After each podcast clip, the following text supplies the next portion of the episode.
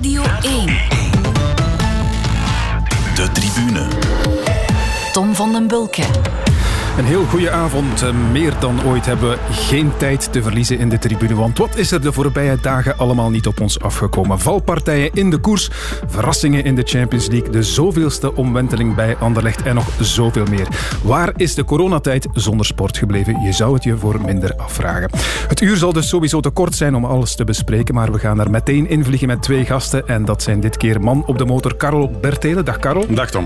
En goedenavond ook Elke Weiland. Goedenavond. Elke, jij bent de zus van uh, Wouter Weiland. De koers is ook je werk. Hè. Je werkt bij Ja. uh, Trek Segafredo. Wat doe je daar precies?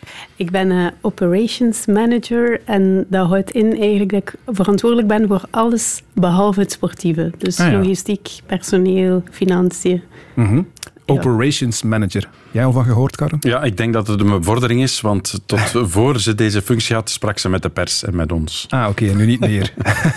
Ik zit hier toch? ja, Dat is waar. Hoe lang zit je al in de koers? Eh, dat zal nu mijn zesde jaar zijn. Ook altijd bij dezelfde ploeg. Dat is de ploeg Ja. van Jasper Stuyven onder meer. Ja, klopt. En eigenlijk, ja, dat was toen ik erbij begon. Track Factory Racing was toen eigenlijk de verderzetting, of de verdere verderzetting van Leopard Trek, de, broer- de ploeg van mijn broer. Dus ja, Oké. bij mijn familie, zeggen we dan. Hè? Prima geplaatst in elk geval om over de koers te praten. Dat is eh, voor straks, want nu eerst de momenten van de week. En ik verklap nog niks, maar jullie hebben allebei gekozen voor een moment ja, dat misschien wel een beetje tussen de mazen van het net geglipt is. Karel, we gaan beginnen met dat van jou. What a showman. 96 to finish. The unique, the unconventional, the irrepressible, the brilliant. Ronnie O'Sullivan stands once again on top of the snooker world. And wasn't it nice to see Karen Wilson clapping O'Sullivan on frame and match ball there? What a gentleman, what a sportsman. Dat is van gisteren Ronnie Mhm. O'Sullivan voor de zesde keer wereldkampioen Ja. snoeker. Ik ben fan Ja, wie niet? Hè? van Ronnie ook. Ehm, ik had het mij natuurlijk makkelijk kunnen maken en, en kiezen voor als Kortrijksaan de zegen van KVK bij, Racing, eh, bij A-agent. Ja. Maar ik heb dat niet gedaan. Maar het heeft wel met Kortrijk ook te maken. Mijn jeugd ehm, in West-Vlaanderen waren wij in de jaren 70 bij de eerste die BBC kregen. Omdat we het dichtst eigenlijk bij Engeland lagen. Je kreeg eerst BBC in Vlaanderen. En daardoor heb ik dat snoeker leren kennen, leren ontdekken ook. Ehm, bij ons dan in de cafés heel snel snoekerzalen. Of in een café stond er een snoekertafel. En ja, het is wel een heel goedkope en, en, en makkelijke hobby. Hè. Je gaat naar een café, die tafel staat daar, die ballen liggen daar, die keus staan daar, dat krijt ligt daar. Je, moet dus, je hebt geen enkele kost en je speelt snoeker. Het is, om eerlijk te zijn, ook niet echt fysiek zwaar. Dus ja, wij hebben dat eh, in onze jeugd massaal gespeeld. Ik heb dan later ook nog een keu gekocht. En dan was ik vertrokken. Hè. Dus heb ik eh, dat altijd ieder jaar gevolgd, die, die finales. Wat is je maximum break, Karel? Ja, ik eh, moet nu een beetje beschaamd zeggen. ik denk 26. Oei, Ja, dus dat is... Ik, eh, ik, niet genoeg op café dat is onvoorstelbaar. Ik zie het graag, ik speel het graag en ik kan het dus niet. Ik, ik krijg het niet onder de knie. Maar eh, om even op Ronnie O'Sullivan nog terug te komen. 2001 zijn eerste WK, dus dat is 19 jaar later. Zo lang is hij al in die sport. Ehm, collega Rudy Bouwens eh, hoorde ik daar net zeggen nog, of dat is een interview dat op de site zal verschijnen nog. Voor hem is het de beste speler ter wereld. Dus dat wil ook wel iets zeggen. Ehm, en het is zeven jaar geleden dat hij zijn laatste titel haalde. Dus het werd stilaan weer tijd dat Ronnie Ja. nog eens eh, van zich die deed spreken. Eh, het is ook een beetje een man met een hoek af. Vind ik ook wel altijd tof. Mijn vorige fa- favoriet was Jimmy White. Dat is ook zo'n halve rare, zal ik maar zeggen. en voor die mannen heb ik het dus uiteraard. En eh, ja, nog één wereldtitel hè, en is hij evenaart Stephen Hendry. Dus, eh, Hij was in de loop van dit WK weer helemaal zichzelf. Hè? Wispelturig tot en met ook. Ja, en eh, in zijn halve finale tegen... ehm, wie was het ook alweer? Mark Selby. Maar tegen Selby, ja, waar hij zijn laatste finale tegen verloor. Ehm, ja, die was mm, boos op hem, omdat hij, toen hij snoekerde, Selby is een meester snoekeraar, dus de bal eigenlijk onspeelbaar maken.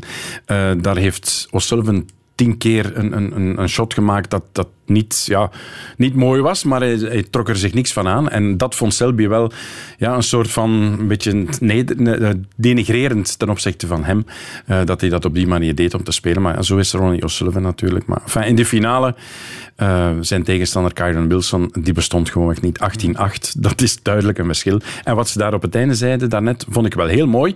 In het laatste frame gisteravond, er, moest nog één, of er was nog één frame nodig voor O'Sullivan, heeft dat onmiddellijk gepakt. En op een bepaald moment speelt hij de bal, waardoor Wilson niet meer kan winnen. En het camerastandpunt is net vanuit die hoek dat die Wilson applaus geeft voor um, O'Sullivan op het moment dat hij dus weet dat hij de finale zal verliezen. Dus uh, heel mooi. En er was publiek in de zaal. Ja, in de, tijdens de finale wel, ja, hè? daarvoor niet. Ja, Zou hij nog lang doorgaan eigenlijk? Want hij heeft ook al periodes gehad waar hij niet uh, beu was eigenlijk. Ja, ja, hij heeft al te kennen gegeven in aanloop naar het WK. Ik ga volgend jaar weer echt veel spelen. En nu zei hij, in een reactie toen hij wereldkampioen ik ga toch een beetje minder spelen Dus ja, je, je, kunt het nooit weten. Nu, die check van, uh, hoeveel was het? 553.000 euro? Mooi, zal misschien een beetje helpen. Nee, denk het ook wel. Oké, okay, over naar uh, het moment van Elke Weiland.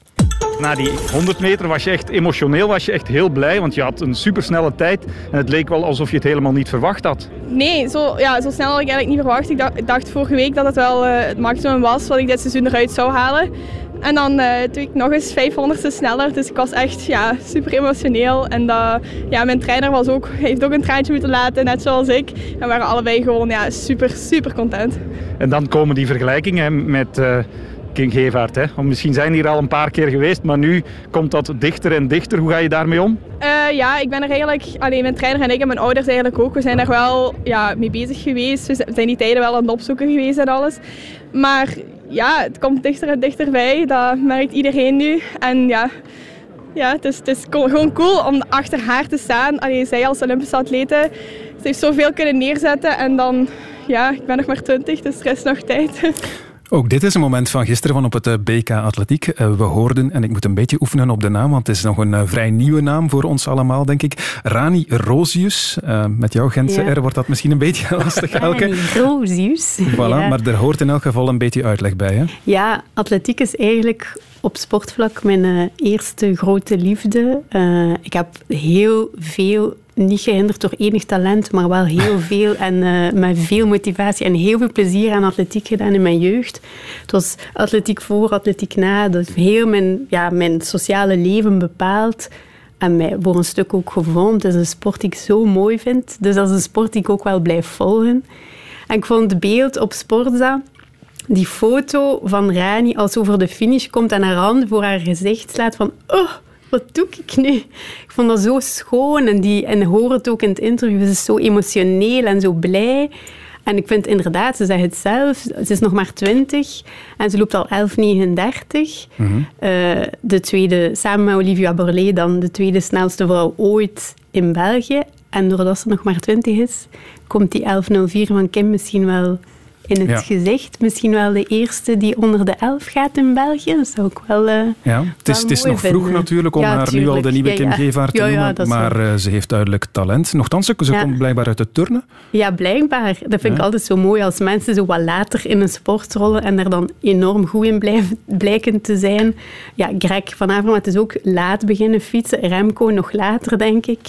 Ja, uh, ja ik vind dat wel ik vind dat schoon, ja. Rani Rosius, had jij er al van gehoord, nee, Karel? Nee, nee, nee. Ik was met Ronnie O'Sullivan bezig. maar wat deed jij in atletiek? Wat waren je, wat, wat ja, ik, de onderdelen?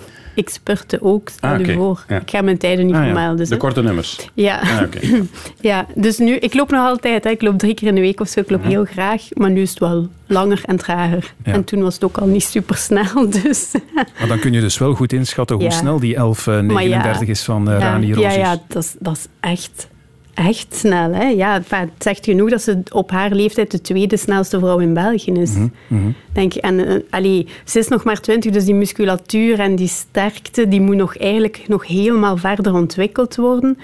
Dus ik ken haar niet, dus ik kan het niet inschatten, maar ik ga ervan uit dat er wel nog enige progressiemarge is. Dus dan is die magische grens van de elf misschien toch haalbaar voor haar. Oké, heel fijn dat je dit gekozen hebt. Anders was het misschien een beetje, zoals ik zei, tussen de mazen van het net geglipt. Maar eh, een naam om te noteren en te onthouden dus. De tribune. Over dan naar het gespreksonderwerp van het afgelopen weekend. En dat is uiteraard de veiligheid van de renners. Want na die vreselijke crash van Fabio Jacobsen was het zaterdag opnieuw prijs. Uh, Tu n'as pas des mots. we don't see the, the shoot. We, we heard only radio tour that was one shoot and uh, we saw the, the data of Renko and we saw the data stop. Ja, je zit live te kijken, je ziet die salto. Dan denk je, ja, wat komt er nu? Geen beelden. Maar Bramati en Geert van Bont zijn zelf in de ravijn gekropen. 8 tot 10 meter diep. De jongens zijn helemaal ondersteboven natuurlijk. Het eerste dat hij zei was sorry. Het was Patrick Lefevre en daarvoor eh, ploegleider van de Koning Quickstep Davide Bramati. Iedereen hield zijn hart vast natuurlijk toen eh, Remco Evenepoel het ravijn indook. Karel, ja, een stuurfout, gebrek Mhm. aan ervaring, een te gevaarlijke afdaling. Hoe zie jij het? Ik denk niet een te gevaarlijke afdaling. Ehm, uiteindelijk wil ik toch als eerste zeggen, we hebben het hier over profrenners. Hè. Het is hun beroep. Ehm, elke zal dat ook wel weten en beseffen eh, wat er met Wouter gebeurd is. Ook een profcoureur.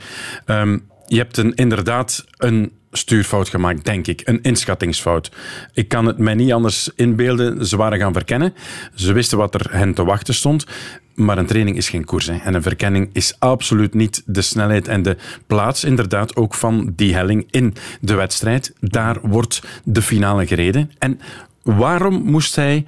Ja, of wa- waarom is het gebeurd? Ik vond hem heel intelligent door een gaatje te laten, want hij reed als laatste van het groepje. De zotte Nibali, maar ik bedoel dat heel positief, die als, zich als een steen naar beneden kan laten vallen, de beste afdaler van het peloton, je moet die niet volgen. En zeker inderdaad, 20 jaar, eerste keer Ronde van Lombardije, hij moet dat niet doen. Dus hij deed dat niet ook. Dus denk ik inderdaad, inschattingsfoutje, ja, stuurfoutje, allicht de twee samen. We zullen het ooit wel eens horen van hem, denk ik. Maar de gevolgen hadden dus natuurlijk heel wat erger kunnen zijn. Want als je dat eerste beeld ziet, zie je dus inderdaad onder die brug dat riviertje waar geen water meer in stond. Dus waar was Remco gevallen? Ja. Het was inderdaad eventjes stil ook bij ons. Ja. Nibali, het is er een van jouw ploeg, hè? Ja, Elke? klopt. Ehm, inderdaad, zoals Carlos zegt, misschien wel de beste afdaler eh, van het hele peloton. En dan, ja, als die druk zet natuurlijk, eh, waar hij dat kan, dan voelt Remco misschien ook wel die neiging om, ja, ik mag hier toch die kloof of dat kloofje niet te groot laten worden. Ja, ja, we kunnen natuurlijk niet weten wat er door Remco zijn hoofd ging. Of het effectief was van oei, oei, oei, ik moet zien dat ik mee ben. Of was het inderdaad gewoon pech, enfin, een verkeerde Mhm. inschatting maken. Maar het is wel, ja, dat is een beetje eh, deel van de koers ook. Hè? Elkaar onder druk zetten. En, en ja, iedereen weet dat Nibali de beste daler is Ja. die er op dit moment in het peloton rijdt. Of toch één van de beste. Hij heeft de Lombardij al eens gewonnen, denk ik. Hè? Met een, Ongeveer fantastische Ja. afdaling. Zeker weten. eh, waarin hij helemaal tot het gaatje ging. Ja. Dus ja, Mhm. ja. En achteraf is het natuurlijk makkelijk, want Ja. we weten nu ook dat Remco gezegd heeft ik had de beste benen ooit, dus hij, hij ging voor de overwinning. En wat Vincenzo overkomen is, is ook dat hij in de finale krampen heeft gekregen en niet mee heeft gedaan voor de overwinning. Dus ja, het was nog 40 kilometer, hè? Mhm. dus er was nog wel iets. Maar ik denk dat Remco eens beneden er wel weer naartoe zou zijn. Het is vooral jammer voor hemzelf natuurlijk. Ehm, hij loopt misschien de zegen mis in Lombardije, maar vooral hij mist ook de Giro. Gaan we die nog volgen eigenlijk? hè? Ik weet dat niet. Ik eh, ging niet gaan, want al die klassiekers komen eraan in, in oktober. Maar ik ging het natuurlijk op de voet volgen. Ik weet niet hoe het bij jullie nu is. Maakt dat nu iets anders? Want de misschien wel grote favoriet is er niet bij. Ja, ik denk dat we daarmee een beetje moeten opletten. Mm, Allee, Remco is ook nog maar 20. Absoluut. En eh, hij werd inderdaad hier en daar al genoemd als potentiële Giro-winnaar. En ik denk dat hij dat inderdaad wel kan. Maar was dat dit jaar geweest, Mhm. dat had ik nog wel eens willen zien. Ja, en, Ja, ja. en we gaan het nu niet weten. Nee. Eh, maar ik denk op zich sturen wij persoonlijk dan met Trexie Alfredo een heel sterk team naar de Giro. Wij willen er echt voor gaan. Hè? Dus eh, ja, en ik denk dat niet alleen Trexie Alfredo zal zijn die een sterk deelnemersveld zullen sturen, maar ook de, ook de andere ploegen. Ja. Het is zo'n vreemd seizoen dit jaar. Met die drie grote rondes zo kort na elkaar, met een stuk overlap tussen de Giro en de Vuelta zelfs. Dus eh, ja, het is, het is heel moeilijk te voorspellen dit jaar. Het is Nibali zijn doel zeker ook, hè, dit Ja, jaar, de. Giro? Ja, ja, ja. Dus hij gaat niet naar de Tour. Nee, klopt. Wie is daar dan jullie kopman? Eh, we gaan met Bouke Mollema en Richie Port samen in gedeeld kopmanschap naar, eh, naar En dan alles op eh, Vincenzo in de. Giro. Ja. met Ciccone als schaduw. En Ciccone, ja, absoluut. Even terug naar de val. Elke, jij bent eh, ruim negen jaar geleden, is het ondertussen je broer verloren. Ook in een eh, afdaling, zwaar gevallen toen in de Giro. Hoe kijk jij daar naar nu als dat soort dingen opnieuw gebeuren? Ja, dat, is, dat brengt heel veel terug. Sowieso hele zware valpartijen, daar staat mijn hart weer even stil van. Je kunt je heel gemakkelijk verplaatsen, jammer genoeg, in de situatie van die familie, van die vrienden, die, niet, die eerst niet weten wat er aan de hand is. Hè. Uiteindelijk, zaterdag, hebben we heel vaak zo die, dat inzoomend beeld op Remco die over het muurtje gaat gezien. Mijn dochter was een half jaar oud toen mijn broer is verongelukt. Maar zij zei, hm, bij een onkel Wouter was dat toch ook zo tegen een muurtje. Dus mijn man en ik, we zaten daar, ja, het was ook zo, maar het was toch anders. En hopelijk is het toch nog helemaal anders. Uh, ja, dat brengt wel veel terug. Was de situatie inderdaad eh, te vergelijken of toch niet? Goh, ik denk het eigenlijk niet. Uh, op het stuk waar mijn broer is gevallen, uh, was het hele technische stuk van de Passo del achter de rug. ik ben er ondertussen al vaak geweest. Eigenlijk, eigenlijk is hij gevallen op een stuk dat bij wijze van spreken bijna rechtdoor gaat. Maar hij keek achter zich. En de veronderstelling is, maar ook daar gaan we het niet weten, uh, er lag daar een witte streep in het midden van de weg.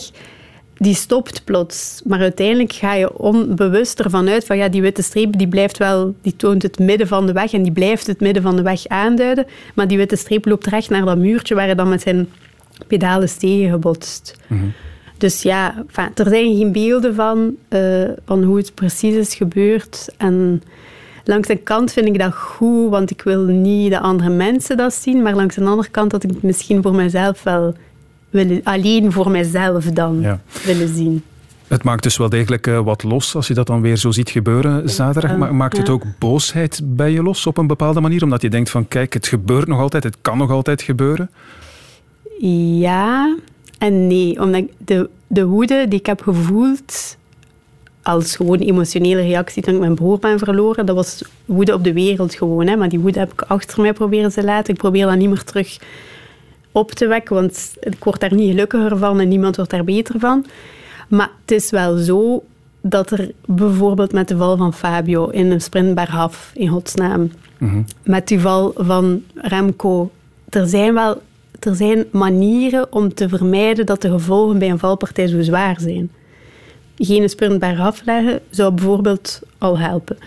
Maar een afdaling in Lombardije, dat hoort er nu eenmaal bij. Dus we mochten ook niet aan de eigenheid van die... In mijn ogen, hè, we mochten niet aan de eigenheid van die klassiekers en hun parcours raken. Maar beveilig het parcours gewoon meer. Mhm. Hang van die skinetten, zet hooibalen waar het potentieel gevaarlijk is. Oké, dat zal een extra investering zijn en meer werk. En je kunt ook niet van kilometer 0 tot kilometer 260 of 270 beveiligen. Ik besef dat ook wel. Maar op die afdaling is Bakelands al gevallen, is de Plus al gevallen. Dus het is geweten dat dat een gevaarlijke afdaling is. Mhm. Dus neem dan toch proactief initiatieven om het zo veilig mogelijk te maken in een sport die sowieso al gevaarlijker is dan MotoGP. Mm Als je die crash in MotoGP van dit weekend ziet, dan denkt je, maar jongens, en die stellen zich recht en ze rijden verder, bij wijze van spreken. Ja. Ze hebben ook een harnas aan. Hè. Dat wel. En dat hebben de coureurs. Nee, dat is zou moeilijk zijn om mee te fietsen. Het is ook een element dat speelt natuurlijk. Er is geen textiel meer. Is nul bescherming voor renners, dat is waar. Maar ik ben het er volledig mee eens. Waarom staat daar inderdaad geen kussen? Waarom staat daar ook geen seingever? Waarom is daar niet iemand met een gele vlag? Waarom fluit daar niemand? Want ze waren denk ik ook in Harelbeke bezig om de gevaarlijke punten met lichtsignalen en geluidssignalen ja, te... Ja, aan te duiden, zal ik maar zeggen. En de renners en iedereen te verwittigen van, dit komt eraan. Dat dat daar nu niet staat, want het is de tiende keer geloof ik dat hij uh, in, de, in de Ronde van Lombardije zit. Ja, dat is als het ware de renners maar loslaten en zie dat je veilig beneden komt. Dat kan niet. En, ik heb nog een tweede element, en zullen ook gezien hebben, Elke. Die auto in de finale die Schachman onderuit rijdt. Oh. Sorry, maar en ik hoop dat de wielerliefhebbers mij dat vergeven. Maar ik vind dit persoonlijk nog honderdduizend keer erger. Hoe kan dat in de laatste kilometer dat een auto op het parcours komt? Wat is daar gebeurd? Hoe kan dit als organisatie, RCS, grote organisatie van al die Italiaanse koersen, dit kan niet. Ik organiseer zelf tien jaar nu al een koers. Je moet onze technische gids zien. Je moet zien waar wij naartoe moeten met strobalen. Wij doen dat allemaal. Mensen met de gele vlag, ofwel staan ze er vast als seingever, ofwel komen ze als mobiele seingever eraan. Je uh, kunt je ook niet geloven hoeveel gevaarlijke punten er inderdaad zijn om een koers te laten passeren. Dat wordt bij ons van naaldje tot draadje. We vergaderen zelfs een keer te veel dan te weinig. Ik heb het ook liefst zo. En dan ga je dat parcours uitstippelen, dan ga je stroballen zetten, dan sta je de zondagmorgen nog vast, als er nog een controle van het parcours gebeurt, dat er stroballen gepikt zijn. Hè. Dat er pijlen weggepakt worden. Onvoorstelbaar. Enfin, dat is nog iets anders. Welke Maar koers is dat trouwens? Dat is de Sinkse koers in Averboden. Vraag het na bij de Wielerbond. Echt waar, en dat is nu niet om mezelf een pluim op de hoed te steken, maar we krijgen 10 op 10 ieder jaar. En dat is ook omdat we er alles aan doen dat dat niet kan gebeuren. Het minste weggetje dat op de, het parcours uitkomt, zet daar niet alleen een dranghekken. Nee, zet daar iemand. Dat daar onmogelijk een auto uitkomt. Het zou niet Vermijd- mogen, maar vermijd dat. de Sinksen koers in Averboden doet beter dan de Ronde van Lombardije. jongens. Ja, het zal bij ons in ieder geval niet Ja. gebeuren, daar ben ik 100% zeker van. Voilà. Vader Evenepoel heeft ook gesproken toen de rust een beetje teruggekeerd was en hij zei na afloop eh, dit. Dus ik denk wel dat er eh, misschien een keer een moment zou kunnen komen dat de bevoegde instanties toch een keer de vraag stellen: wat kunnen we hier aan doen? Want men spreekt al drie jaar over de aankomst van Polen daar, als Fabio gevallen is. Men spreekt al een aantal jaren van deze afdaling. Ja, er echt moeten doden vallen al voor er iets gebeurt. De renners zijn geen marionetten. Die jongens doen hun job. Ik heb ook werknemers in dienst. Ik moet zorgen dat mijn werknemers veilig kunnen werken. Dus ik vind dat ook dat dat voor de wielrenners van toepassing zou moeten kunnen zijn. Ja, hij noemt de renners marionetten. Jasper Philipsen heeft ook onlangs eh, nog gezegd: wij zijn apen in een circus.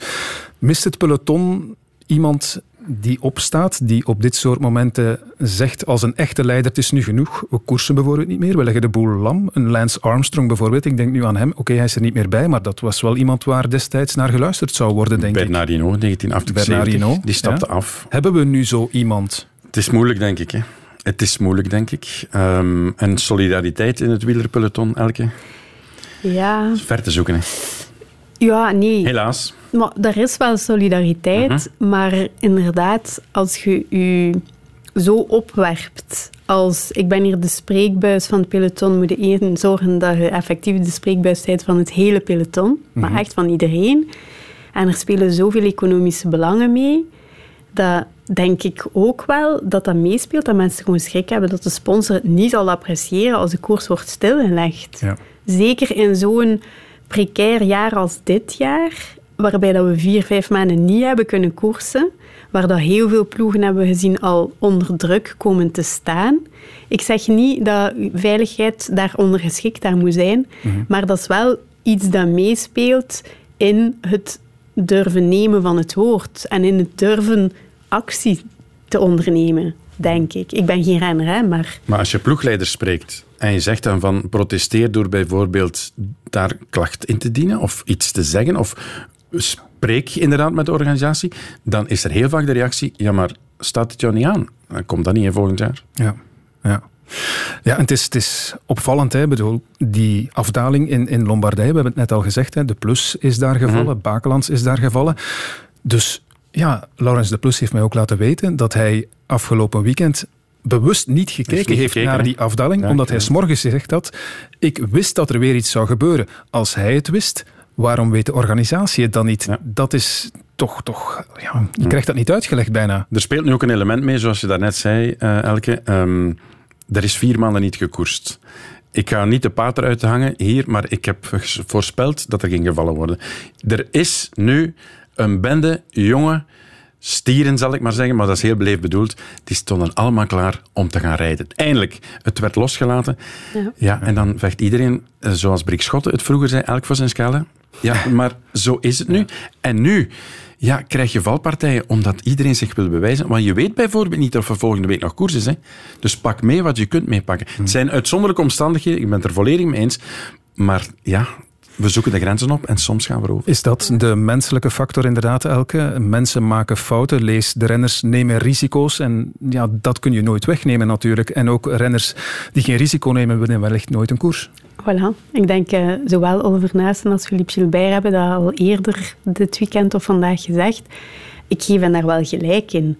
Eh, ter- de sport, deze sport in elk geval, komt niet zonder risico. En het is zo dat je risico's moet durven nemen, want degene die in een spurt aan zijn remmen trekt, die zal niet winnen. Degene die bergaf zo traag rijdt als elke weiland bergaf, die zal niet winnen. Ja, maar het, is, het, is, het hoort er wel bij, maar het zijn wel Allee, het zijn profrenners. Zij kunnen, ook, zij kunnen het ook wel. Maar het is niet omdat je iets heel goed kunt, dat je niet een keer een foutje maakt. Ja. Ik wil er nog iets anders uh, bij halen. Er was ook afgelopen weekend uh, eigenlijk best wel veel commotie rond het al dan niet tonen van de beelden van de val van uh, Remco tijdens de koers. Ja, Elke, jij bent goed geplaatst, denk ik, om, om daarover te praten. Um, van jouw broer waren er geen beelden, maar hoe heb jij je op dat moment gedragen in de zin van had je ze willen zien als ze er waren? Had je zoveel mogelijk informatie willen krijgen of had je het net niet willen zien? Uh, mijn papa heeft mij gebeld op mijn werk. En ik had onmiddellijk door, want dit is echt heel erg. Het is niet zomaar een valpartij. En mijn reflex was eigenlijk... Ik heb eerst heel even op Sporza willen kijken, maar de server lag plat. En dat was goed. En dan heb ik mijn computer afgesloten en ik ben naar huis gereden met de radio af omdat ik gewoon te veel schrik had, dat ik opeens een nieuwsflash ging horen via de radio, waarin dat er gezegd werd, allez, enfin, mm slecht of goed nieuws. Enfin, ik wilde het niet via de media vernemen. Mm Dus dan, ik ben naar mijn ouders gereden, en ondertussen was mijn vader en mijn moeder gaan halen op haar werk. En ik ben gewoon thuis in de zetel gaan zitten.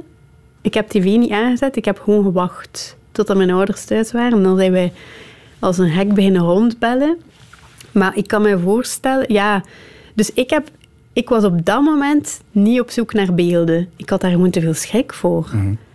Maar als het zo getoond wordt, en bedoel, ik geloof dat Remco zijn ouders op het parcours stonden, dus ik weet niet of ze effectief beelden hadden, maar toch, hoe dan ook.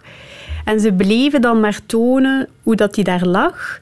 Maar ze, zei, ze zei, gaven eigenlijk geen nieuws. En zijn benen bewogen niet. En dat vond ik dan zo eng.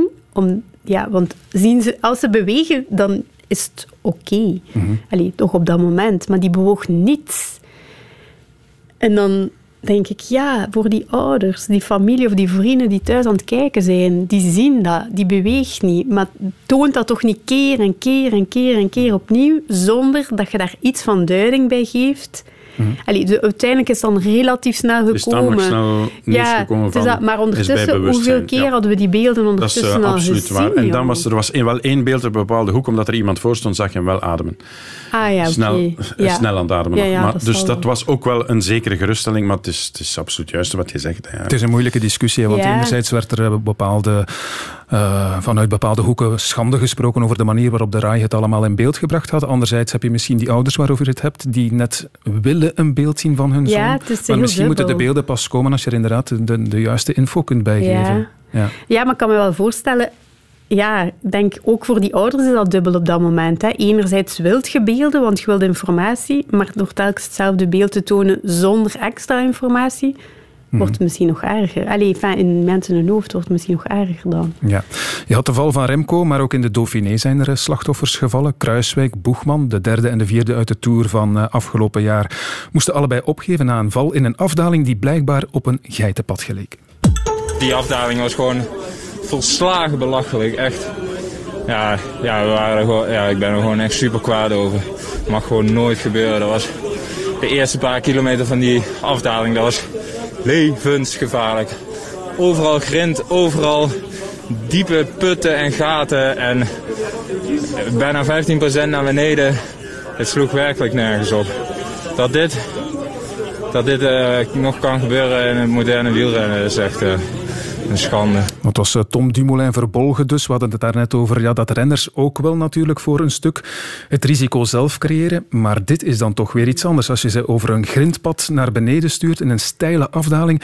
Hoe kan het dat dat soort dingen nog deel uitmaakt van een koers die georganiseerd wordt door de ASO, de organisator van de Tour? Ja, dat, dat vind ik inderdaad ook wel zeer opmerkelijk. Maar het is een beetje tekenend van de drang naar het moet steeds spectaculairder en specialer. En oh, dit hebben we nog nooit gedaan, laten we dat eens doen. En ik begrijp dat voor een stuk, want dat wordt ingegeven door financiële belangen. Hè? Hoe, hoe spectaculairder dat je koers kunt maken, hoe meer kijkcijfers, hoe meer mensen dat, dat stukjes gaan herbekijken. Maar je speelt misschien wel met het leven van mensen, hè? die in een likhapakje en op superdunne bandjes daarover naar beneden moeten. Dus wat is de, allee, de afweging moet toch iets beter gemaakt worden in mijn ogen. Ja. ja en er moet vooral op gepast worden dat dit niet meer gebeurt. Hè, Karel, heb Ja. je de tweet gezien van Ilio Keijsen na de rit in de Ronde van Wallonië vandaag? Ja, dat was een zeer mooie uitspraak. Er lagen putten tussen het asfalt, zei hij. Ja, dat was, Ja. dat was Jetse Bol die het zei, maar, ja, de, goed, de maar- foto kwam van uh, Ilio Keijsen. het blijft maar de ene duren. put naast de andere. Ja, en dat wordt goedgekeurd. Nog eens, sorry, mijn Sinkse koers. hè.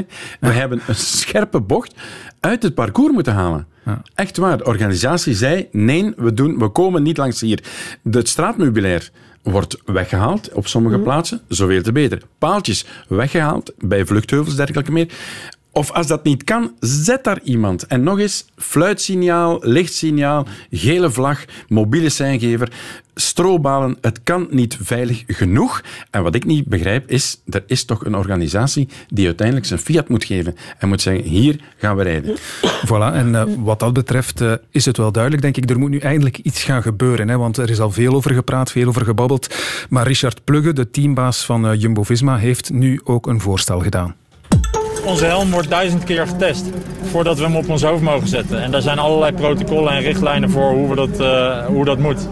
En een parcours uh, ja, is een beetje, uh, ja, het zal wel. En ik denk dat we daar eenzelfde soort bedrijf voor in moeten stellen. Die de, de, veiligheid gaat checken op voorhand. Hè, en een minimum aantal richtlijn of ondergrens voorwaarden waaraan uh, bijvoorbeeld een uh, laatste kilometer voor een massasprint aan moet voldoen, maar ook uh, hoe hekken staan. En nou, als dat een bedrijf op voorhand controleert en ook zegt van ja jongens, beste organisatie, dit is niet goed genoeg, dit moet beter en dit en dit kun je, heb je nog een dag voor, dan kun je dat, kun je dat oplossen. En, en andersom, als het niet, niet werkt, dan kun je als, kan dat bedrijf zeggen het is niet veilig genoeg. Ja, Richard Plugge wil dus een extern bedrijf dat die veiligheid gaat uh, controleren, nakijken enzovoort. Hij vertrouwt met andere woorden de UCI niet meer. Hè. Je kunt hem, denk ik, weinig ongelijk geven. Ja, gezien wat er de voorbije weken allemaal is gebeurd, denk ik dat, dat hij wel een punt heeft. En het zou ook het voordeel van de duidelijkheid bieden, hè, door dat aan een externe firma te geven. De UCI heeft uiteindelijk verschillende patches op, mm -hmm. tegelijkertijd meestal. Dus dan denk ik dat het inderdaad niet zo'n slecht idee is om, dat te laten, om de parcoursen te laten auditen door, door een externe firma die op geen enkele manier verbonden is met een ploeg, met een sponsor, met de UCI, die volledig objectief kan oordelen. Mm. Ik hoorde Griet ook in, uh, in jullie, een van jullie Griet Langendok, de ja, organisatrice van Gent-Wevelgem. Ja. ja. Uh, en zij zei ook van ja, dat wordt wel gecheckt, maar ja, wanneer? Voilà. Ja. De timing is belangrijk. Voilà. Zij zegt, ja, als die dat vier, vijf dagen op voorhand komen checken, is dat niet oké, okay, want de helft van de maatregelen die we nog gaan nemen, moeten nog uitgevoerd worden. Dus je hebt eigenlijk maar een heel kort window of opportunity waarin dat je parcours uitziet zoals het eruit zal zien. Dus dat begrijp ik wel. Maar de grote lijnen kunnen gerust maanden op voorhand al al bekijken. En de grote issues kunnen er dan al uithalen. Ja. ja. Het enige probleem is dan nog het weer. Hè? Want ja, daar moet je ook rekening mee houden natuurlijk. Ja. En dat heb je niet allemaal in de hand. En dan heb ik nu de vraag van 1 miljoen. Gaat UCI dat toelaten? Zo'n buiten, voilà. buitenstaand bedrijf om hier eventjes in onze koersen te komen zeggen ah ja, dat mag niet.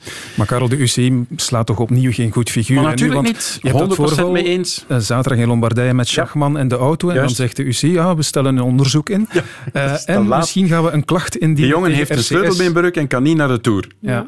Stel daar eens een onderzoek naar. Maar valt RCS ook niet onder de bevoegdheden van, van de UCI eigenlijk uh, een klacht indienen tegen RCS is ja. eigenlijk ook een beetje een klacht tegen, tegen zichzelf. jezelf. Absoluut. Ja. Ik ben het er volledig mee eens. Ja. Er is ook veel kritiek gekomen op, uh, vanuit de ploegen dan, op de rennersvakbond, de CPA omdat hij blijkbaar te weinig doet. Mm -hmm. Je hebt daar Gianni Bugno, die, uh, die is de voorzitter. Die voorzitter is, ja, maar... Uh, die doet blijkbaar niks. Ook die maakt geen beste beurt. Ik weet niet of dat bij jullie een issue is binnen in de ploeg. Hoor je dat van renners? Ik, daar heb ik nu zelf nee. niet veel van gehoord, dus ik ga daar geen uitspraken over Maar mocht doen, dat werken maar... en, en, en, en goed zijn, dan zou je het wel horen. Hè? Maar dat is de essentie van een vakbond, lijkt mij. Hè? Mm -hmm. Ja, mm -hmm. of dat dan nu een sportersvakbond is, nee, of ja. gewoon TCOD of zo, ja, ja. maakt niet uit.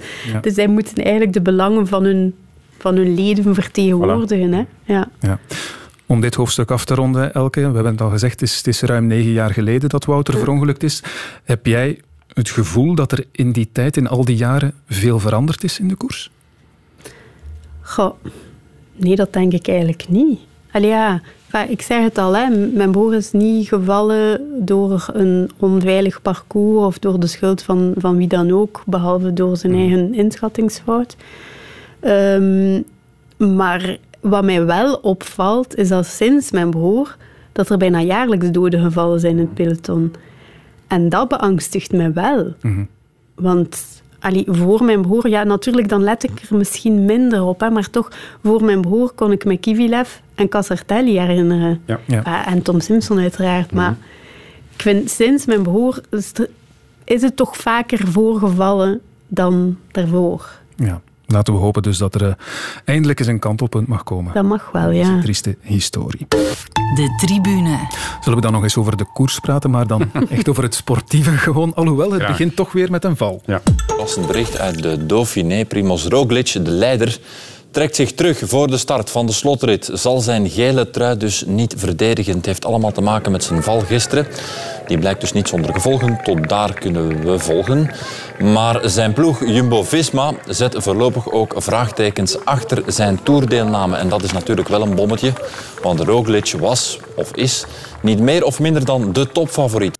Ja, we zitten op minder dan twee weken van de start van die Tour. En wat hebben we dan geleerd na de Dauphiné? Wel dat eh, heel wat favorieten met vraagtekens zitten plots. Karel, zullen we het medisch bulletin misschien even Eh, je mag overlopen? dat gerust eens overlopen. Primoz Roglic. heeft dus schaafwonden, denk ik, en snijwonden, zeggen ze. Maar wat er specifiek aan de hand is, weten we niet. Maar wel niet meer gestart, inderdaad, in die laatste rit als leider. Dus, vraagteken. Thibaut Pinot.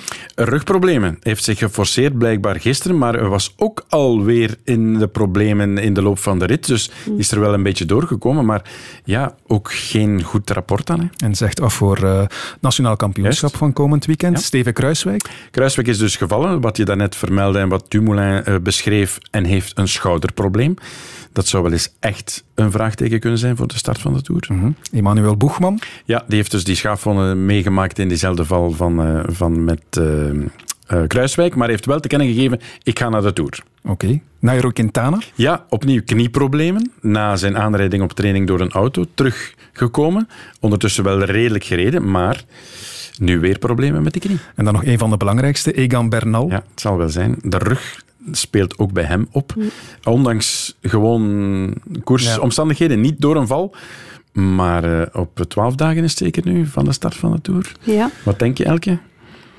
Ja, ik vind vooral het Roglic-verhaal heel vreemd. Want het is inderdaad niet helemaal duidelijk wat hij nu precies mankeert. Behalve dan schaafwonden, zo lijkt het toch.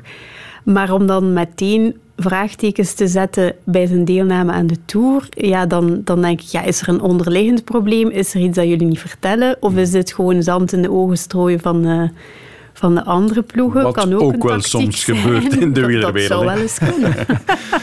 Ja, is, Ja. is hij... Nu, laat ons ervan uitgaan dat hij wel degelijk aan de start zal staan. Hij was de beste tot nu toe. hè. Dat denk ik wel, Dat maar is hij nog de uitgesproken favoriet? Of is dat inderdaad ja, die zweem van mysterie die ze een beetje wil ophangen nu? Ik denk als hij aan de start staat, is hij de grote favoriet. Dat hè? denk ik ook. Mhm. Ik zie niet, niet goed in eigenlijk wie hem zou kunnen bedreigen. Bernal was niet slecht, maar ook niet, Nog niet top. niet de flitsende Bernal die we vorig jaar naartoe hebben gezien. En niet met die rugpijn nu. Jumbo-Visma is sterker dan, dan Ineos op het Ja, moment. analyseer dat eens, Karel. Inderdaad, eh, Jumbo-Visma ten opzichte van team Ineos. Ja, ze hebben daar eh, het eigenlijk voor het grijpen, durf ik bijna zeggen. Want Sepp Koes komt er nu ook bij. Dat is ook zo iemand die Hele goeie, hè? Ja, die kan mee. Hè. George Bennett heeft ook al bewezen dat hij een en ander kan. En Wout van Aert, sorry, maar Wout van Aert is geen knecht, hè. Excuus, hè. Zoals hij gisteren ook weer zijn groene trui verdedigde. Oké, hij gaat niet mee tot op de laatste call. Dat zal niet. Maar wat hij daarvoor kan doen, dat is van goudwaarde voor een ploeg, hè. Ja. Ja, ja, ja vo- volledig mee eens. Wout van Aert in de ploeg kunt hebben, amai. Kan hij meedoen voor de groene trui? Ja, op papier wel, denk ik, uiteraard in de Tour. Maar zit hij dan toch vast in die rol van luxeknecht? Of moeten ze hem daarvan verlossen? Het zou kunnen veranderen als ze dus niet met hun drie kopmannen naar de Nee, Tour gaan, wat ze nu zeiden. Hè? Ja. En Kruiswijk en Dumoulin, die niet slecht bezig is, Dumoulin, toch ook even aansteppen. Goed gereden gisteren. Die blijft Hij onder de er- radar Hij blijft zeer onder de radar, Ja. absoluut. En dat is iemand die een grote ronde gewonnen heeft. Hè? Dat maakt een groot verschil. Hè? Ja. En dan heb je dan inderdaad... ehm, waar waren we nu aan het zeggen? Eh, Ik ben het kwijt. Ah ja, de andere rol van Wout van Aert. Als Roglic niet gaat als topfavoriet voor de Tour, vind ik dat dat inderdaad wel een issue is. Dat Wout dan misschien voor groen moet gaan. Ja, maar ze zitten nog altijd met die ja, verschillende kopmannen natuurlijk bij Jumbo-Visma. Je hebt eh, inderdaad Dumoulin, die trouwens een beetje vraagtekens gezet heeft eh, bij de tactiek van de ploeg tijdens de Dauphiné. Hebben het wel goed gedaan op, op deze manier. Door vol te rijden, hij dan en Kruiswijk, in functie van Roglic, die dan wegvalt. Het was natuurlijk maar vijf Ja, dagen. Hè. De Tour is drie weken. Je kunt dat anders verdelen. Maar zoals het een zware Tour nu gaat worden, met heel veel beklimmingen, ga je inderdaad moeten zorgen dat als er iets eh, voorvalt met Mhm. een of andere kopman, dat die die moet vervangen. Niet inderdaad op vier, vijf, zes minuten staan en die kloof niet meer kan dichtrijden. Daar moeten ze inderdaad wel voor zorgen. Ja. Uitgesproken kopman bij eh Trek Segafredo, dat wordt Richie Port. Samen met Bauke Mollema. Bauke ja, Mollema. het wordt een eh, co-leadership. Ja. Oké. Maar, Poort gaat weg. Hè?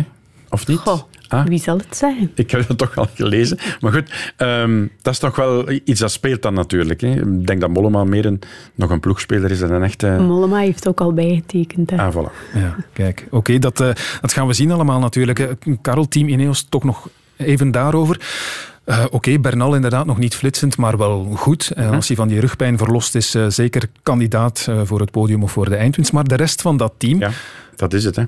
Ja. Dus geen Sivakov, dat hebben we gisteren gezien. Eh Froome. Ja, al lachend lossen. Sorry, maar... Allee, dat is toch... Dit was de voorbereidingskoers op de Tour. Er moet nog veel veranderen, denk ik, voor Chris Froome. De leeftijd en de gevolgen nog van de val van vorig jaar. Het zal toch allemaal een beetje spelen. En Geraint Thomas, ja, daar heb ik echt het raden naar. Ja, die, Jij? die leek nergens Je te ziet die niet, hè? staan, Nee. Nee. Is het dan ook opnieuw eh, zand in de ogen strooien en dan Bernal naar voren schuiven, maar dan straf uiteindelijk... Dat zou wel een strafstootje theater Vind zijn, ik ook. denk ik. Vind ja. ik ook, ja. Komt En je kunt nu niet meer op hoogte gaan en je kunt nu niet meer gaan beginnen trainen. Nu moet je Nu- klaar nu- zijn. ja, hè. ja. Hè? Ja, ja, wie nu Dat niet is klaar gedaan. is, hè. is te de basis is gelegd. Hè. Ja. En Is ze hebben tijd erbij genoeg gehad. straks hè. in de Tour? Wat blieft? Is Froome erbij? Ja, maar wie gaat het anders wel meenemen? Ja, dat is een goede vraag. Ja.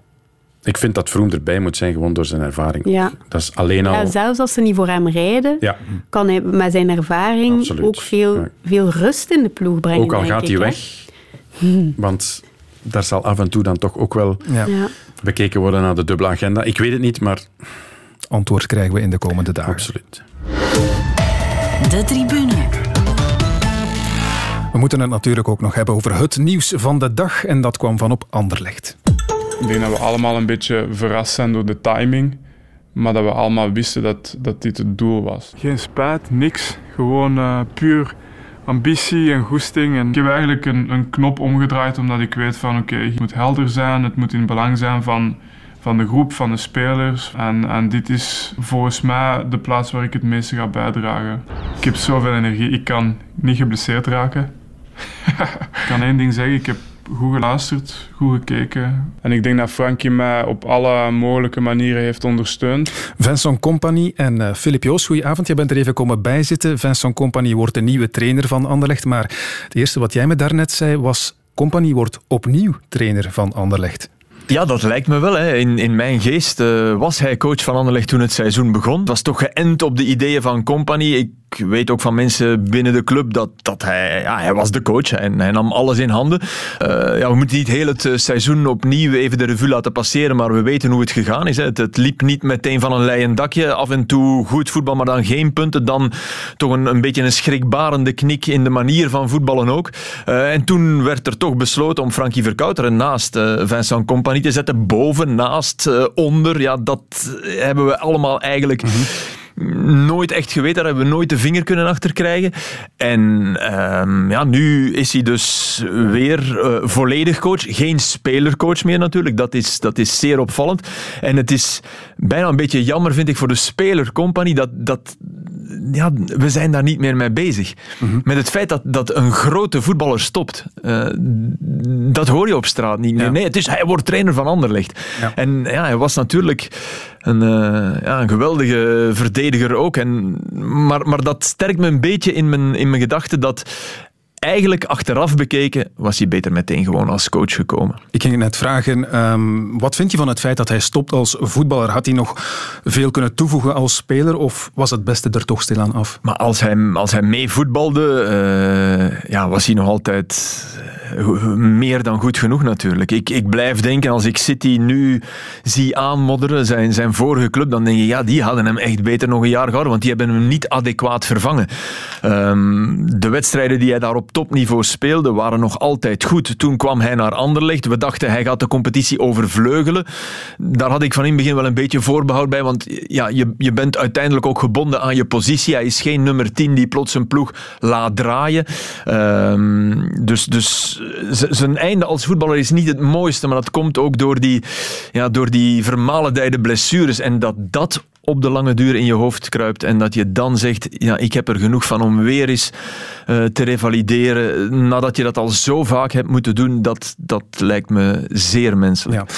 Er is ook nog het moment weer natuurlijk. Hè. We zijn twee speeldagen ver in de competitie en dan gebeurt dit. Uh, je zou kunnen zeggen van, ja, waarom niet eerder? Ze doen die hele voorbereiding met verkouteren en dan plots uh, na twee speeldagen wordt dat weer omgedraaid. Dus je krijgt het gevoel, wanneer wordt het ooit nog eens rustig Ja, en dat is het grote mysterie. Hè. Waarom nu? Dat, ja. dat is absoluut een, een, een mysterie en, en de gissingen schieten alle kanten op. Hè. Is, is is Adrien Trebel de splijtswam, dan niet de mens Trebel, maar het feit dat die werd opgesteld nu. Hè. Uh, er is duidelijk iets met Trebel aan de hand op Anderlecht. Uh, Verkouteren wil hem wel, ja, Compagnie dat, minder. Dat, dat zou kunnen, ja, dat gaan we zien. Hè. Ik bedoel, het zou kunnen dat uh, Compagnie ons nu allemaal logen straft en dat hij uh, de volgende tien wedstrijden opstelt en dat ze geen match meer verliezen. Dat, alles kan.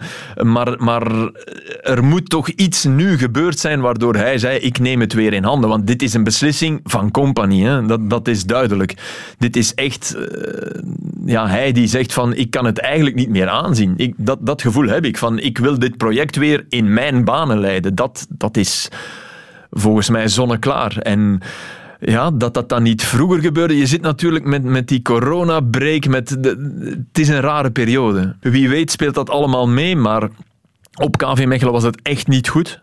En als ik het filmpje zag uh, waarmee hij is aangekondigd, dat is niet heel vlug op een ochtend in elkaar geflanst. Dus het, het, zou echt wel kunnen dat de beslissing gevallen is na KV Mechelen. Mm. Dat, dat gevoel heb ik wel. En niet dat het gisteren top was, maar ja, dat zijn wel matchen die we nog gezien hebben. Ook van een, van een beter Anderlecht in het verleden, dat het niet top was tegen Centraal. Ze winnen wel. Zegen was eigenlijk geen moment in gevaar. Dus dit was inderdaad even een moment van rustig vaarwater. Je krijgt nu Moeskroen. Maar ja, dat zit er ook in. Hè. Moet je dan nog wachten tot na Moeskroen? Die wedstrijd win je denk ik ook wel. Hm. En dan, ja, dan wordt dat toch alsmaar gekker ja. Uh, ja. om, om een moment te kiezen. Dus ja, er is, er is geen goed moment, denk ik, om iemand te ontslaan. Die toch ook, want dat mogen we niet vergeten, een icoon van die club is. Frankie Verkouter, oké, okay, mensen van mijn leeftijd. Ja, dat was, fantastische voetballer, heeft, heeft toch grootste dingen gedaan. Een geweldige carrière, Anderlecht, een, een groter Anderlecht, want dat kon toen nog. In Europa successen bezorgd. Ja, daar, daar is nu ook wel raar mee gehandeld, toch? Die passage, dat begin als uh, spelercoach, was eigenlijk ja, niet echt een succes, of toch op zijn minst wisselvallig te noemen. Wat garandeert Anderlecht dat het nu wel gaat lukken? Ze zitten verder, een aantal jongeren. Uh, wat me opviel op KV Mechelen, en, en dat, dat viel me echt op, de, de, de body die veel van die jongens gekweekt hadden. Dat, dat, dat waren ineens geen kinderen meer. En dat is maar een fysiek aspect. Maar dat is niet onbelangrijk, denk ik. Dus wie weet uh, helpt dat. Hè. Ze, zijn een jaar ouder. Um, en voor het overige moet je wel zeggen, waarom zou het nu lukken uh, als we toch met z'n allen vonden dat hij in die eerste periode te veel één op één de visie van City, van Guardiola, van Company ook, uh, bleek wou doordrukken. Uh, misschien heeft hij ook wel een beetje water bij die uh, erg straffe wijn leren doen. Heeft Verkouteren hem, hem daar ja, toch iets opgeleverd. Die, die samenwerking, hoe die ook mocht verlopen dat zou kunnen. En daar ben ik benieuwd naar. Of, of Compagnie 2, want zo mag je het echt noemen, vind ik. -huh. Of Compagnie 2 dezelfde keuze zal maken als Compagnie 1. Die rukzichtloos waren, die, die heel erg duidelijk waren. Dat voordeel hadden ze, maar toch ook wel niet werkte. Dat, ja. dat zag je toch ook. Of niet goed genoeg werkte. Ja.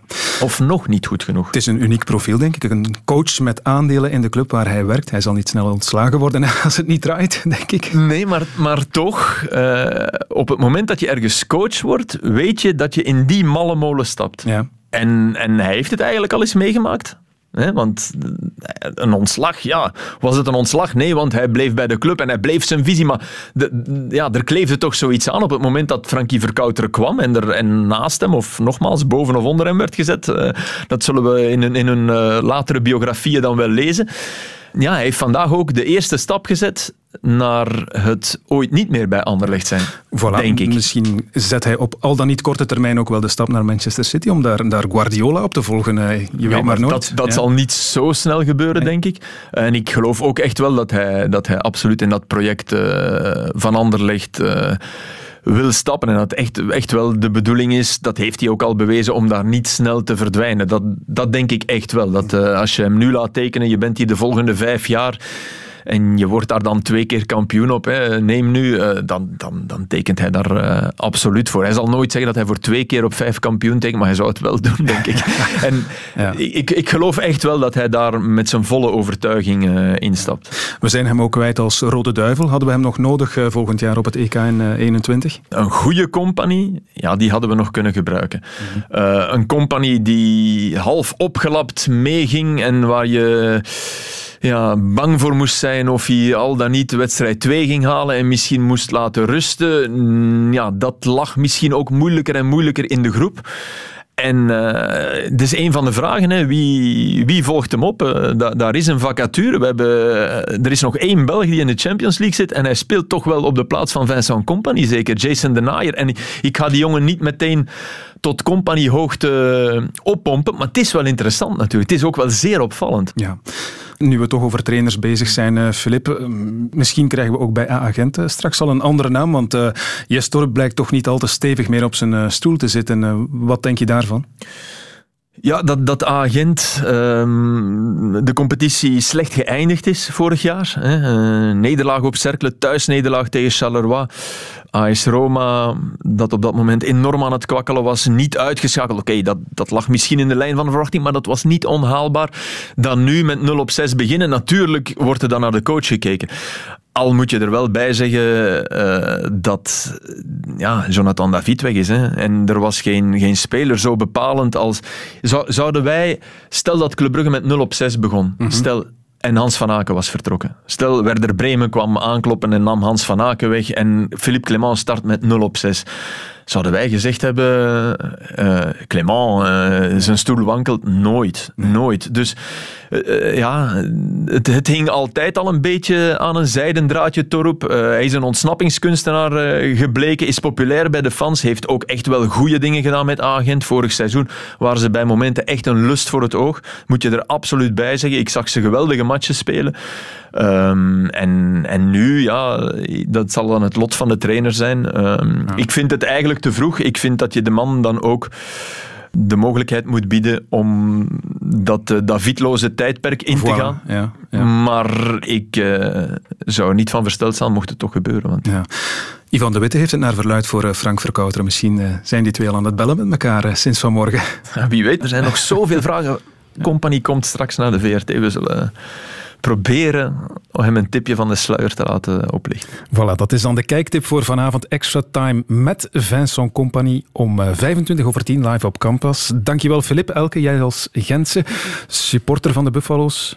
Ja, wel, ja, geen, geen hard, ja, zo'n opportunistische fan. Hè?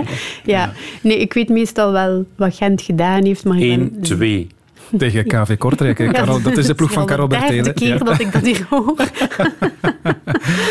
uh, ja, ik volg het van op een uh, hele verre afstand. Ja. Maar, klinkt het bij jou ook niet hallucinant dat ze nu de trainer na twee matchen misschien buiten zetten? Jongens. Dat vind, dat vind ik wel zeer, zeer opmerkelijk. Ja, er wordt wel weinig respijt gegeven. Zo. Mm -hmm. En dat, dat valt mij altijd op in het voetbal. Het is, en het is zoals Philippe eigenlijk zegt, hè, uh, ja, Jonathan David is weg. Geef dit nu toch een keer even tijd, ook die spelersgroep, om terug op een plooi te vallen en een, en een nieuw systeem te vinden. Nee, ja, voilà. Uh, trainer buiten, iemand anders, en die zal het allemaal oplossen. Mm. Mm. Dat is ook bij Anderlecht nu zo, hè, Karel. Ik had het daarnet over met Philippe. Opvallend, die timing. Na twee speeldagen, ah, plots. Oké, okay, compagnie neemt over. Hoe moet Frank Verkouter zich nu voelen? Ja. En dat was toch ook wel is misschien niet oneerbiedig gezegd hoor, een meubelstuk bij Anderlecht. Hè? Mm. Dat was, was toch uh, ook Filip inderdaad ook de aangaf. prins van het park hè, voor compagnie er was. Ja. Dus ik, ik begrijp het niet goed, echt waar niet. Nee, meer geduld in het voetbal is nodig. Daar pleit ik voor, ja. En meer stootkussens in de koers. laat, ons dat, uh, ja. voilà, laat ons dat inderdaad uh, vooral onthouden. Ik moet trouwens nog zeggen dat we aan de rust zitten ondertussen van Waasland-Beveren tegen Stondaar. Wedstrijd die om 7 uur begonnen is. Het is daar nog 0-0 en uh, dan ronden we af met onze slotvraag. Waar kijken jullie nog naar uit? Deze week gaan bij jou beginnen, Elke naar de nationale kampioenschappen wielrennen. Uiteraard overal in Europa voor al mijn renners, behalve voor Eddy en Jasper. Die moeten nog wachten tot na de Tour. Eddy, dat is Edward, Edward Teuns. ja. En Jasper Geboren op 30 april, zoals ik. Kijk eens aan, voilà. Karel Bertelen. Dat weten we dan ook weer. Karel, naar uh, waar kijk je Ja, ik mag donderdag naar Kokzijde voor het BK tijdrijden. Dus ik uh, hoop daar een zeer goede Wout van Aert te zien. En misschien wel in uh, Thomas de Gent een uitdager om hem van een tweede op een volgende titel te houden. Want geen Remco, geen Yves Lampaard en een geblesseerde kampenaar, dus het zou wel eens eentonig kunnen worden. Oké, okay, dat is voor komende donderdag. Dan horen we jou opnieuw op de radio. Karel Bertelen, dankjewel. Dankjewel ook Elke Wijnand. Veel plezier met Zomerland, met Aiko. Sport. Voilà, dat was dus de tribune. Heel fijn dat je naar deze podcast luisterde. En als je een fan bent van sport en podcast, dan wil ik je graag nog een tip geven voor de komende weken. Want de eerste aflevering komt eraan van Fischebak, een nieuwe podcast van Sportza. Welkom bij Fischebak. Ik ben Astrid de Meuren. Hallo, ik ben Joris Brijs. Wij zijn radiomakers, maar we zijn ook alle twee heel grote sportliefhebbers. En dan gaat het niet alleen over voetbal, dan gaat het over alle soorten van sport. En onze missie in Fischebak is alles te weten komen over sport. En dat doen we door elke aflevering één sportterm te onderzoeken. Maar hoe komt dat dan? Ik speel uh, de bal of het wiel door. Laat ons er, laat ons er nog eens uh, doorgaan, inderdaad. Samen met experten, met sporters en met fans gaan we op zoek naar straffe sportverhalen en interessante analyses. Bij mij zit de gids die mij gaat leiden. De man die meereist, of ik ben eigenlijk de man die meereist met hem. Michel Nuits. Tom Boudeweel, dag Tom. Dag Aster. Dag Joris Brijs. Chris Wouters. Dag Chris. Dag Astrid. Dag Joris. Fischebak. Vandaag duik ik opnieuw in onze fichebak. Ga ik op reis naar het bezoekersvak. De wereld van de pitstop. Pitstop, penalty. De derailleur. Duivenkop. Kermiskoers. Wingback. Audi. Volley. Volkswagen. Derby. Het kan allemaal aan bod komen. Waar beginnen we? Wel, laten we beginnen met de essentie. Daarvoor moeten we een uh, heel stuk terug in de tijd. Het is 31 december 1993. 1994. Jongens, ik hoor in de verte iets, maar ik versta er niks van. Ik start, ik start na de Eurovisie, dia, hè. Zet maar open. Een moment dat waarschijnlijk niet in veel geheugens gegrift staat. Elk stuk in de geschiedenis van de sport heeft zo zijn bepaalde waarde. En toen was er een soort romantiek bijna. De goeie oude tijd. Wij nemen je in Fischebak mee naar alle uithoeken van de sportwereld. Fuel, that's the first time we've had a fuel splash. Oh my goodness. Een raceauto die volledig in brand staat. Vlammen, zeker drie meter hoog. En dan zie je dat mannetje daartussen zitten. Dat is, dat is gewoon totaal ongelooflijk. Hè? Astrid, heb jij al uh, gehoord van flip-flop naven? Uh, klinkt geestig, maar nee, ik ken het niet. Op zijn 23ste stelde zijn trainer hem op als verdediger. dat, is echt, dat is een bummer van je wel. Dat is, dat is heel pijnlijk. Dat is alsof de trainer zegt, uh, je bent niet goed genoeg. dat, ik, Toch? Ja, ik vind dat eigenlijk een kleine belediging, want ik was centrale verdediger vroeger. Maar los daarvan, Joris. We nemen je mee naar alle uithoeken van de sportwereld, maar ook soms ver daarbuiten. In de hersenen, daar zitten spiegelneuronen. Ik heb het gevoel dat ik even bij de dokter zit. Uh, ik wist niet dat we daarover gingen praten. Ja, ja, ja. None of the quarter million crowd suspect the tragedy that lies ahead. Oh, kan er niet bij. Wat gebeurt er hier? Is dat raar dat ik daar nu kippenvel van krijg? En dat heeft alles te maken met het gespreksonderwerp. Beluister Fischebak. Mijn vrouw ma maakt zich haast elke dag boos om het feit dat die Fischebak nauwelijks op een uh, armlengte van mij staat. Vanaf 20 augustus. Heel mooi voor de liefhebbers. En je kan daar veel uit leren. Dat blijkt uit een ander heel straf verhaal. Laat maar komen. Op je favoriete podcastplatform. Dus ga eens op bezoek.